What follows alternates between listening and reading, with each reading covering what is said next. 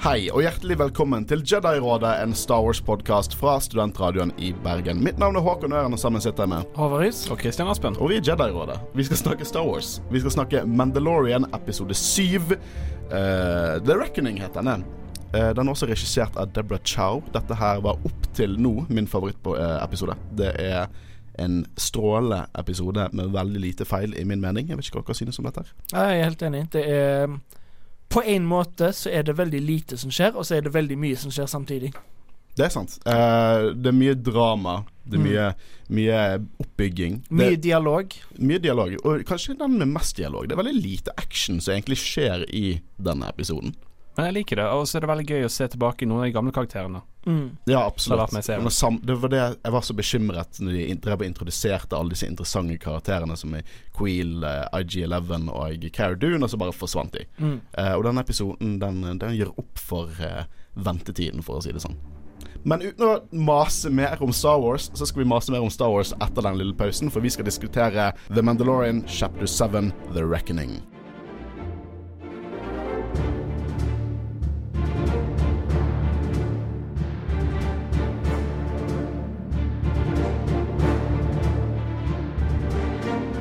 Jeg må igjen advare om at dette her er en spoiler-podcast, så hvis ikke du har sett episoden, så syns jeg at du skal gå og se den med en gang. Spoilers are not good or bad. They are neutral reflections of those who imprint them. I have spoken. Det der måtte du lese om. Jeg tror ikke du klarer det.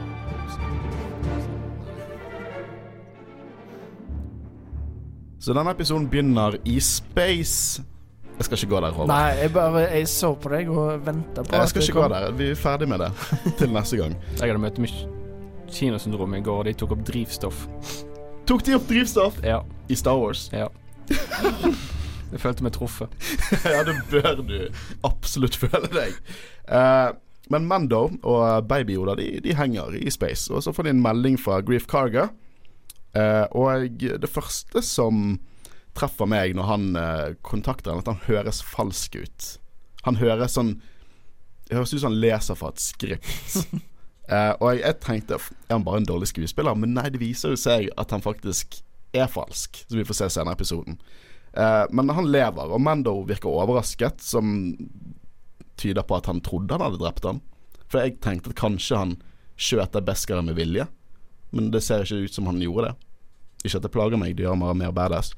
Grief forteller at Imperiet har tatt over Navarro etter denne hendelsen med barnet.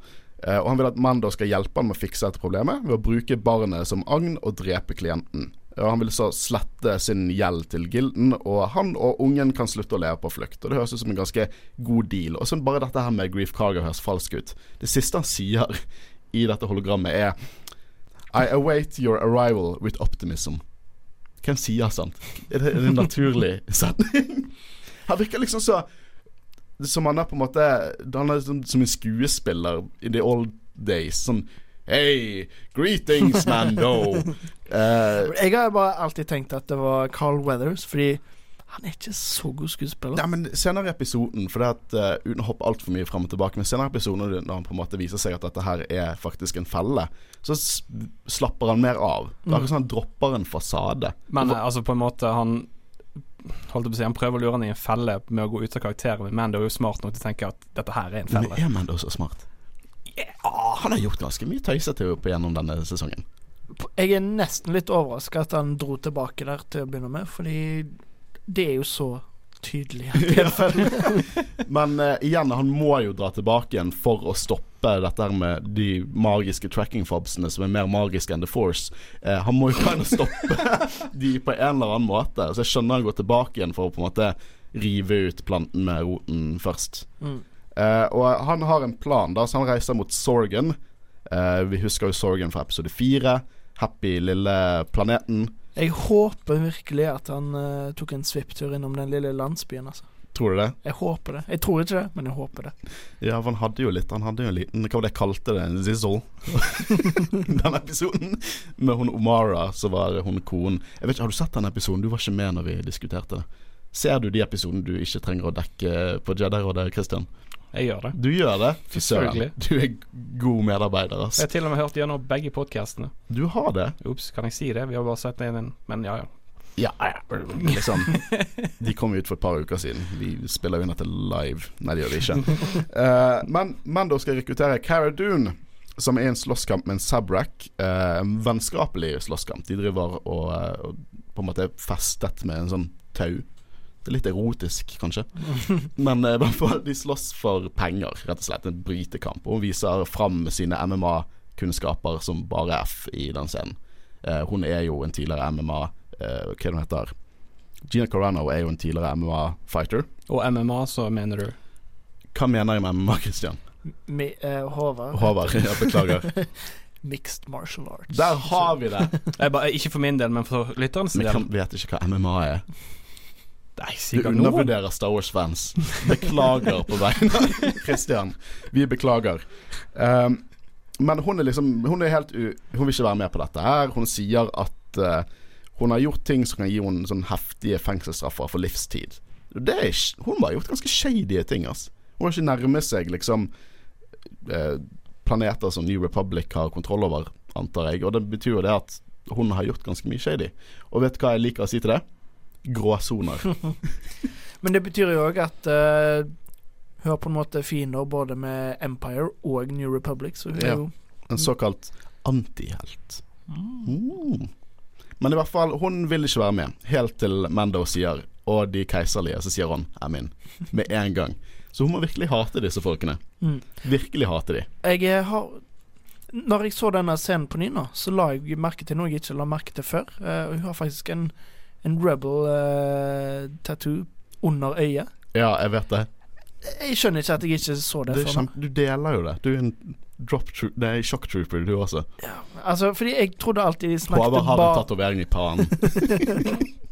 Jeg trodde de bare snakket om den der eh, hun har på armen. Ja, jeg vet. Eh, men hun har òg en For det plager meg senere, der de skal på en måte inn i byen, og så sier de at du må dekke til stripene dine. Ja, men Drit i den jævla opprørerflagget du har i trynet. Det kommer ingen til å legge merke til.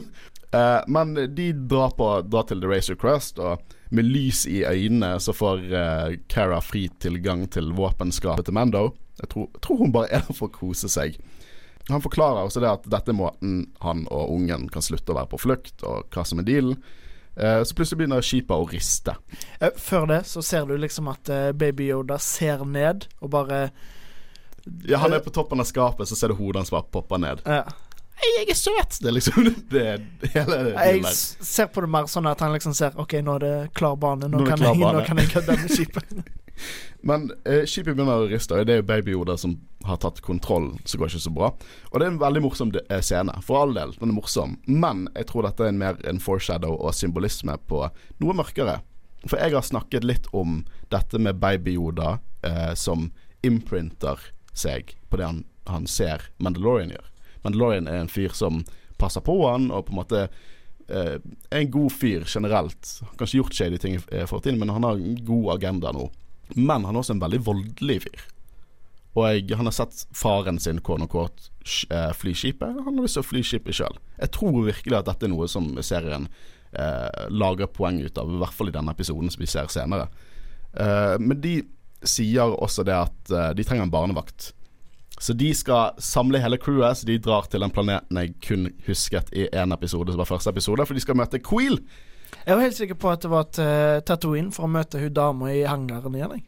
Nei, hun kan holde seg vekke, syns jeg.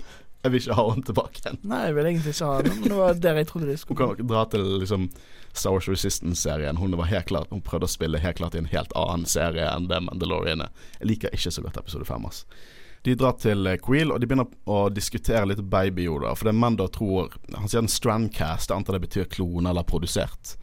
Eh, og så sier Queel nei. eh, han er for stygg. han er for stygg. Eh, han tror at han er en original.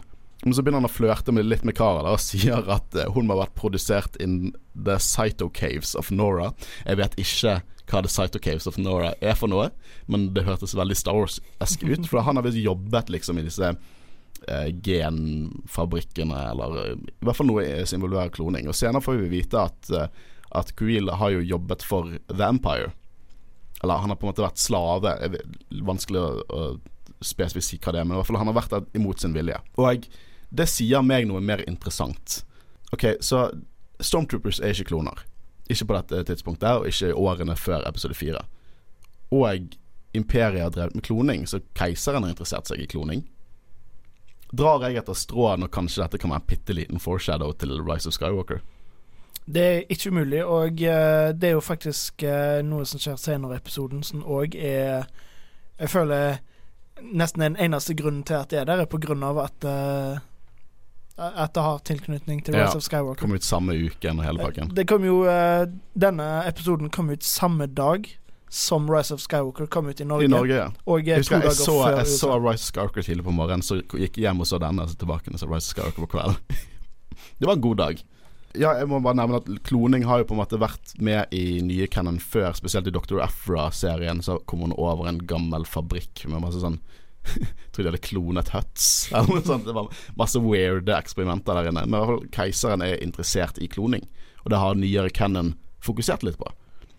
Så jeg har litt lyst til å tenke at det kanskje er en liten foreshadowing til Rise of Skywalker. Eh, det neste skjer er at IG11 kommer inn. Han vi trodde var død, og han skal servere te. Spilt fortsatt av Taika Watiti. Eh, og det viser seg at Queel fant eh, IG etter eh, hele slåsskampen i episode 1, og han ville fikse han og reprogrammere han. Eh, og det syns jeg er litt interessant her. Jeg tenkte ikke over det første gang jeg så episoden, men han sier at han tok skrapet i samtykke med lovene til The New Republic. Og det er litt sånn Det er en lov om å kunne plyndre i ny, nye republikken. Sier det oss litt om eh, hvordan de styrer ting? Å å- plyndre noe burde ikke være en, en, noe som et, liksom, en regjering motiverer.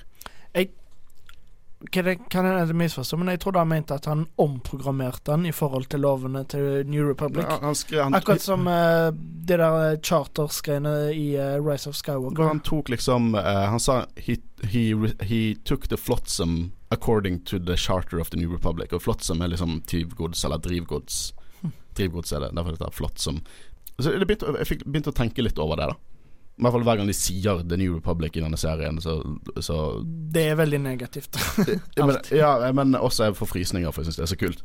Uh, og så får vi en liten sånn Liten montasje der IG11 lærer å på en måte bli ny, da. Uh, det, det, jeg liker veldig godt animasjon her, for det er nesten litt sånn stop motion til tider. Eh, veldig, veldig sjarmerende. Sånn, du får se at han prøver å helle i te, han prøver å gi mat til en blurg, man klarer ikke Han, han dreper en liten øgle med et uhell, og så plutselig så klarer han å dytte vekk øgle før han slipper en stor kasse. En liten sjarmerende greie.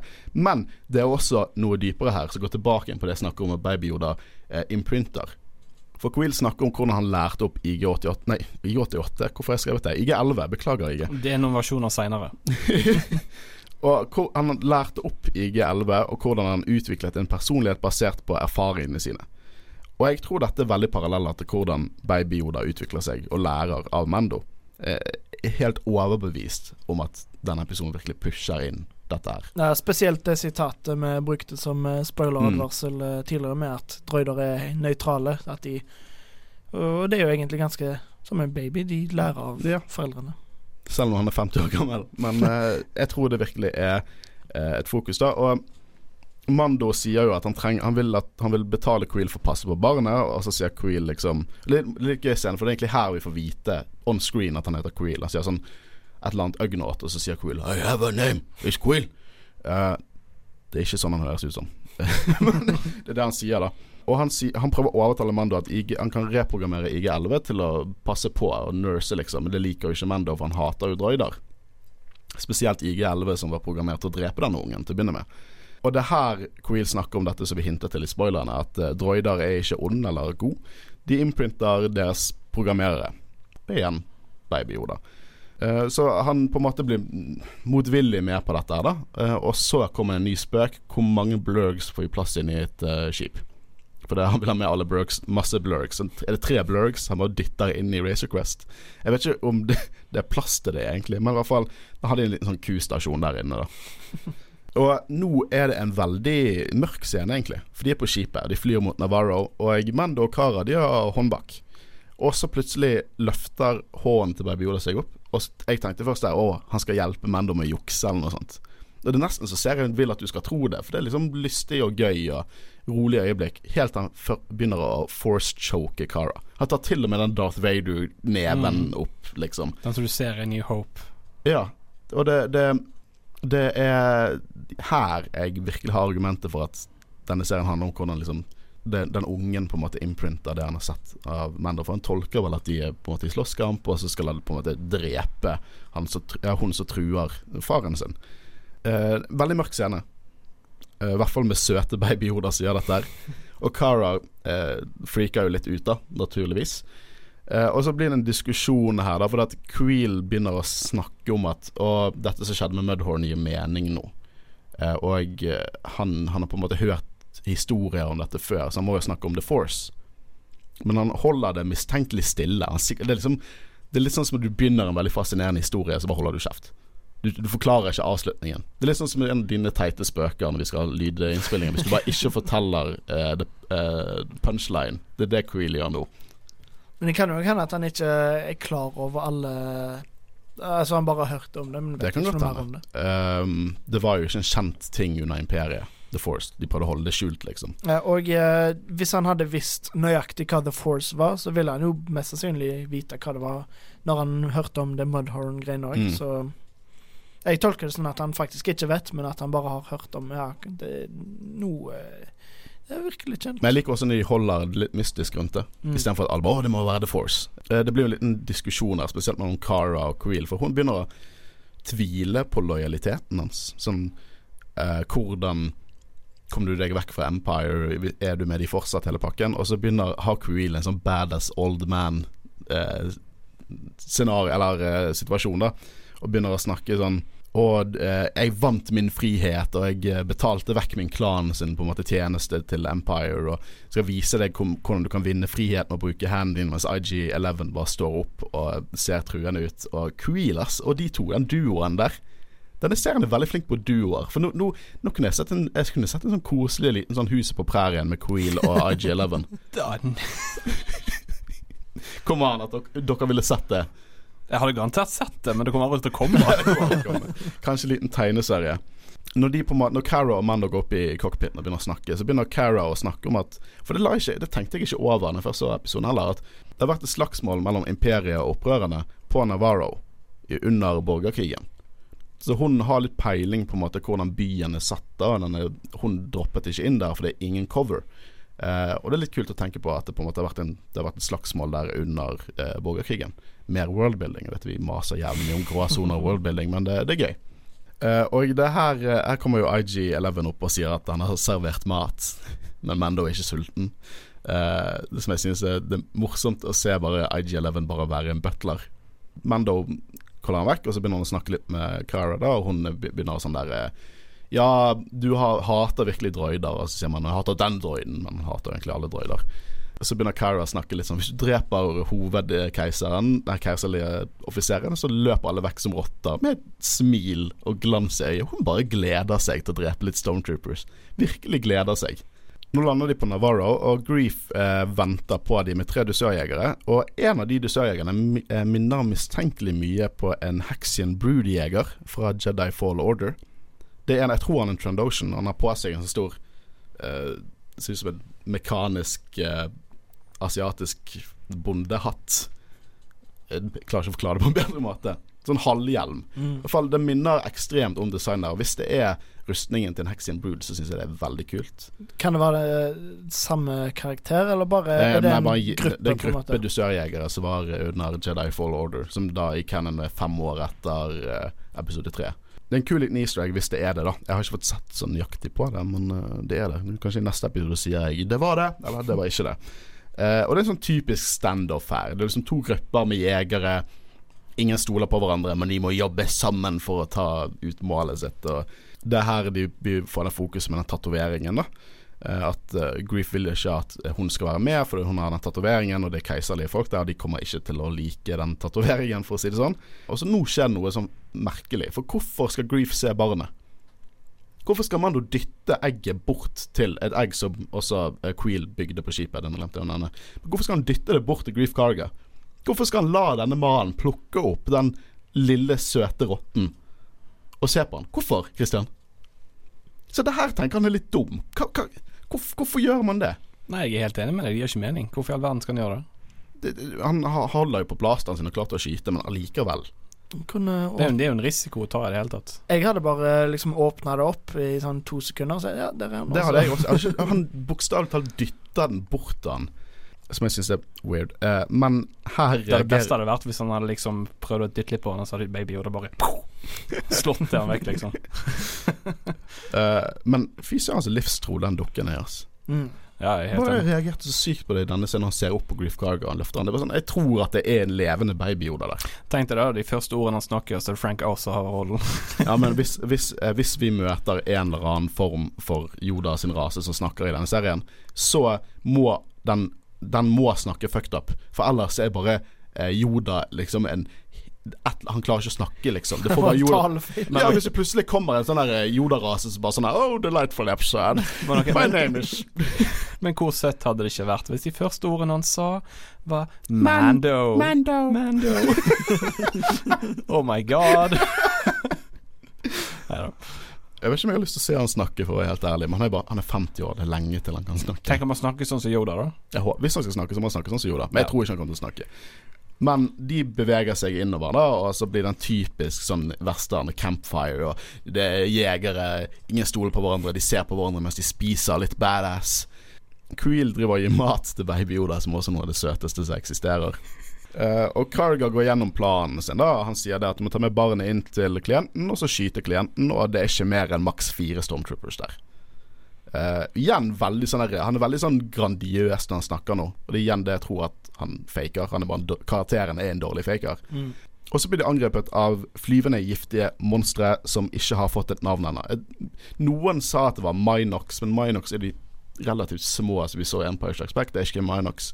Vi har ikke fått et navn på hva disse monstrene er, men de er flyvende, giftige og uh, minidrager. Uh, og de begynner liksom å angripe. da Dreper en av blurgene til Queel, og han sier 'no, let her go', og det er veldig trist. Uh, og så dreper de en dusørjeger. Det er ikke så trist. Men Grief blir skadet da og forgiftet, og det første som er kult der, er at Cara bruker en stim, som er Star Wars-konsept, og videogame-konsept. I Jedi Fall Order så bruker han stims, så det er en kul liten easter egg der. Og nå kommer Baby-Ola bort til Grief og eh, tar hånden på såret. Han tror at eh, den skal spise han. som er naturlig. Eh, og så tar han, bruker Force Heal, og det var det vi snakket om. Force Heal, For det er en stor plot point i Rise of Skywalker, dette med Force Heal. Jeg nekter å tro at det er, tilf det er tilfeldig at de bruker den eh, Force Poweren i denne serien samme uke, eller for oss samme dag som Rise of Skywalker. Nei, der er jo en parallell, så jeg er helt enig med deg. eh, Stemmer godt. Mm, og jeg setter veldig pris på det. Jeg syns det er veldig kult. Jeg tror det er såpass mange Star Wars-fans som hvis de hadde først hørt om Force Healing i Rise of Skywalker, så hadde det bare vært sånn Dette er Jeg har aldri sett dette før. Jeg, jeg hørte faktisk en podkast der noen sa at eh, de så Rise of Skywalker før Mandalorian, Mm. og så var de kjempesint, og så sa de Mandalorian, så var OK. Det, eh, var litt, Så de The Last Jedi? The Force of, uh, Rise of Skywalker sa ikke jeg, også så de Mandalorian.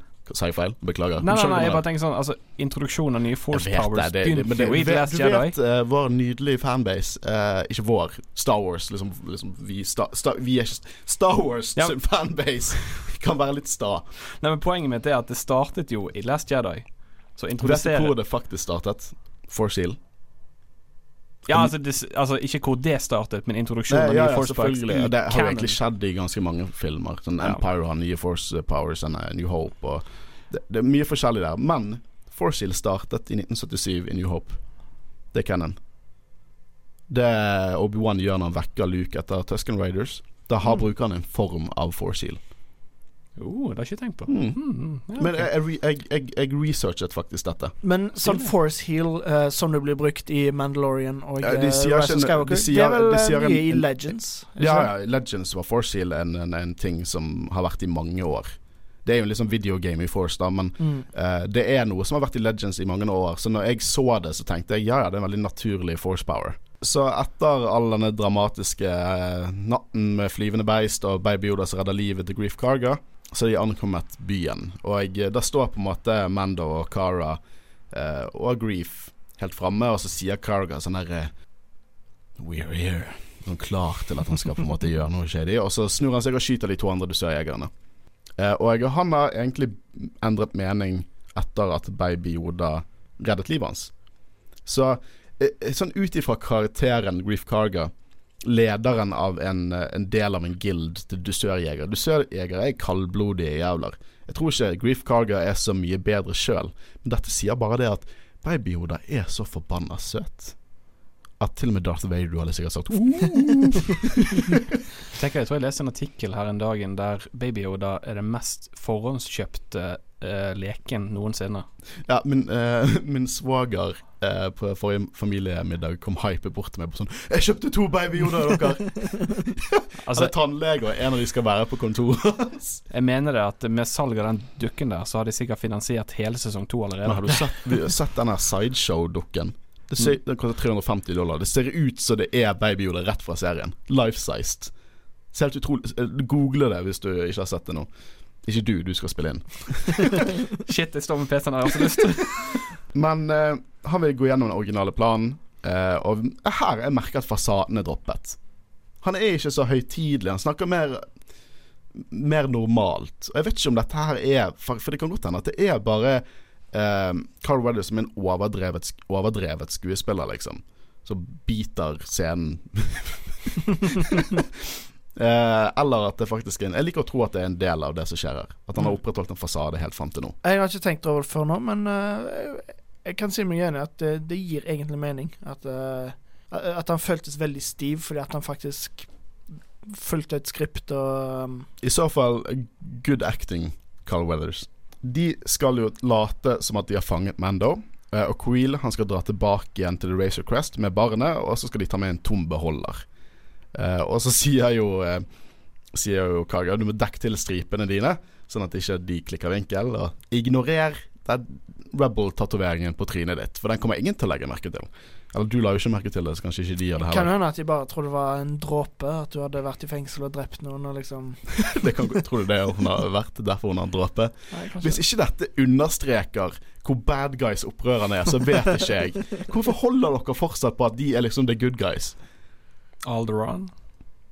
Never forget Alderon. Never forget Alderon. det var et viktig, viktig for å opprettholde freden. Absolutt. Å sprenge opp millioner av mennesker er viktig ja, for å opprettholde freden. Ja, sprenge opp to store space stations med fullt av sikkert uh, ingeniører ikke fortell og meg at det rørleggere. Ikke fortell meg at det var 10 av befolkningen på Alderon som det var på de to. Som bare tok og, sånn, og, og sånn sendte brev hjem til konen sin for sånn 'Å, jeg, jeg er hjemme på perm om eh, ti dager'. og så kommer en gal gal 19-årig bonde og sprenger hele stasjonen. Men vi har snakket om dette, jeg vet er rett. Men de, de, kommer inn i byen. Og her ser vi noe kult. Vi ser hvite speeders og scout troopers. Det er lenge siden vi har sett scout troopers i live action nå. Jeg tror vi, Det siste gang vi så noe scout trooper, var en av de opprørerne i Rogue One. Sånn en svart scout trooper-hjelm. De er skikkelig badass, og de har skikkelig attitude. Alt de mangler nå, er et par sigaretter. Så har du liksom Sigarer, mener du kanskje? Ja, men, ja, ja, men de sitter der og henger, og de er skikkelig sassy. Sånn, etterpå så sier de De ber om chaincode, og etterpå sier de sånn 20 credits for hjelmen. Hvor badass er de ikke, da? Og det er mye mer enn fire Stormtroopers. Uh, jeg syns det er morsomt at de tok fra han blasteren og hadde, han på, hadde sånn håndjern på han. Da. Fordi at den armrustningen er diskuterbart mye farligere enn den blasteren han har. Jeg tror bare håper på ignoransen til disse folkene. Har han brukt opp alle de der Whistling Birds? Ja, jeg tror han brukte jævlig mange av de mot, uh, mot Satan i episode 6. Ja, det er mulig Berg var det han het. Ja, Berg. Så bare skjøt han de ut i ingenting. Uh, og det som er så gøy i denne episoden, er at Verner er tilbake. Og han sier mitt favorittsitat sikkert i hele Star Wars. Can I offer you a libation to celebrate the closing of our shared narrative? Men, altså, og det er så bra! Jeg tror ikke det var i skript engang. Det var bare, det var bare Werner Herzog som kom på det. men jeg, jeg, så egentlig for meg at fra første episode at han kom til å være litt mer større, men han er på en måte bare en mellommann for en mann som introduseres seinere. Han, han, han, har ikke navn engang. Han kommer aldri sikkert til å få Til en person som blir introdusert seinere nå. Ja, og jeg bare elsker Werner i denne rollen. Jeg kan ja, høre ja, ja, han snakke om Star Wars-historie i evigheten. Og det gjør han, for Werner snakker mer om historien til Mandalorians Empire. Han stiller spørsmål til hvorfor planeten Mandalore slo tilbake igjen da keiserriket tok over. Og det er jo ting vi ser i Rebels, der Bo-Katan leder et, uh, et eh, opprør mot keiserriket, og det går nok ikke så bra etter det vi har sett i denne, eller hørt i denne serien. Eh, og eh, han sier det at keiserriket forbedrer hvert system det rører. Trygghet, handel, fred osv. osv. Og ikke minst sprenging. Sammenlign keiserlig styre til hva som skjer med galaksen nå, og han har faen meg et poeng, altså. Du smiler nervøst, Håvard, for du ser poenget hans. Du ser poenget hans. Ja, jeg gjør kanskje det, men Ja. Tror, du, tror du keiserriket hadde tatt sånn opprørerhoder på staker? Men, sånn som de har men- gjort men med Stormtrooper-hjelmer? Håkon, det gikk jo ganske bra for uh, Nazi-Tyskland etter Hitler kom til makten òg, en liten periode, gjorde det ikke det? Nå, Eh, god økonomi Nå, nå er det bare Du leder vitnet. Nei, men herregud. The Outer Rim er jo i kaos nå. New Republic er en spøk. Det tar tid å bygge seg opp igjen. Og etter- selvfølgelig, når du har en planet som er styrt av opprørerlederskap, så sprenger du den. Det skjedde i andre verdenskrig. Atom, Hiroshima, Nagasaki, Alderon. Ikke vis med fingeren, dere vet jeg har rett. Kjære lyttere, hvis du vil kommentere på hvorfor Håkon har feil, gjerne skriv i kommentarfeltet på Facebook. The Empire did nothing wrong. Og så avslutter han hele denne episke monologen med å si I want to see the baby. Så Grifford-babyen sover. We will all be very quiet.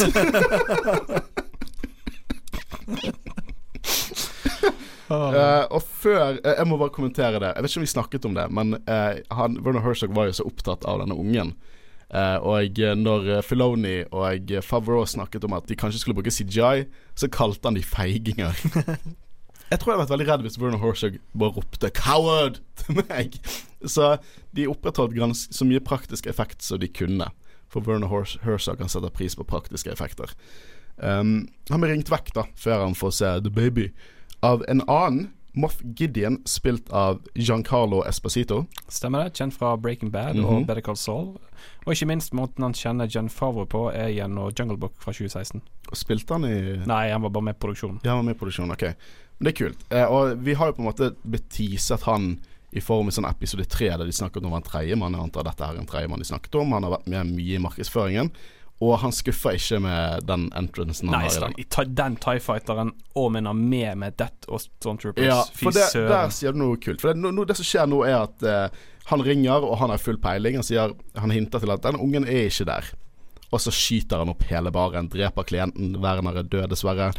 Eh, og alle de stormtrooperne der inne er døde. Og så ser vi ut det mest forbanna sexy stormtrooper-designet som har eksistert på denne jord. Det er en det er, en, det er en squad med Death Troopers i sine svarte, slike, forbanna awesome rustninger. Jeg elsker at de er tilbake.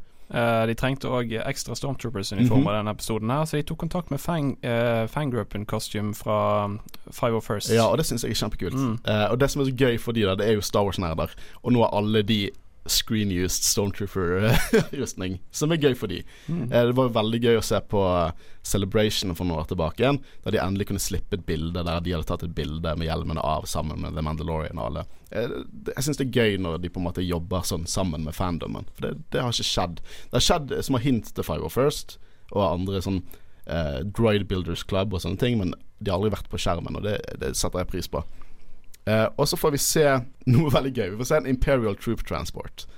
Uh, Den er ganske kul, for at, uh, det er basert på en leke fra det er Ken. så gøy at du kan dette her. Ja, det, ja, det som sagt det er en leke skapt av Kenner, som Ja. ble først sluppet i 1978. Og han ble faktisk brukt i Rebels òg. akkurat det notatene mine sier.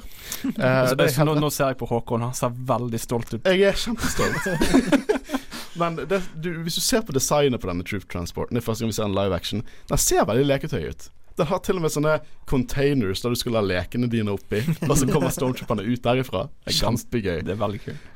Disse stormtrooperne er jo rene, pristine, hvite, liksom pride of the empire. Du ser at det er stor forskjell mellom de og eh, de stormtrooperne vi har sett tidligere.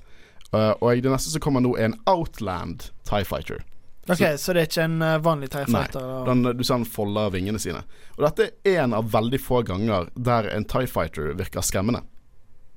Ne- Agree. Ja, og vi, Mhm. jeg syns de hadde en god presence i uh, Force Awakens, spesielt da de flyr i horisonten innenfor å slåss mot uh, Nei, skyte ned Ray og Finn. Men her er også Og det, det, det er paralleller her til hvordan denne serien viser fram universet. Da, eksempel i episode 4. Hvor skummel er ikke den ATS-tiden? Det er noe helt annet enn det vi så i episode seks, der bamser tar de ned med pinner. Og her er det samme med en Tie Fighter. Og den lander der, og han stiger opp øh, og bare har den mest perfekte bad guy-entrancen som overhodet mulig.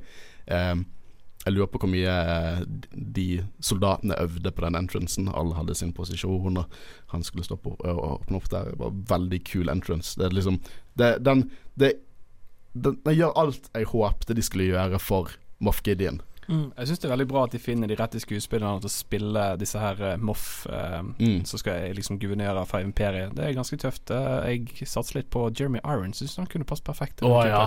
Det hadde vært fint. Jeg, vil, jeg ville sett uh, Ja. Benedict Cumberbatch som en eller annen eh, Imperial. Ja, jeg Jeg tror det kunne vært kult. Han vil ha barnet, og han sier at eh, han, han vet han har overtaket. Og etter og Mando begynner jo sånn å, å, å sende å, å ringe, eller uh, bruke den com-linken til, til Queel. Ja, Det som er veldig inter- gøy med denne com-linken òg, er å minne veldig om den uh, når Han, Luke og Chewie uh, skulle liksom prøve å redde prinsesse Leia. Måte, altså Jeg tror det er samme com-link. Altså. Han ligner i hvert fall veldig. Ja, for den liksom Spesielt ja, for den, eh, når de er den der eh, trash compactoren, sant? så Mm. prøver jo han å få kontakt med R2D2. Og de ligner veldig på Jeg hverandre. tror det kanskje er det samme, for jeg la, er jeg er- merke til eh, i hvert fall den Creel hadde. Designet er iallfall veldig likt. Ja.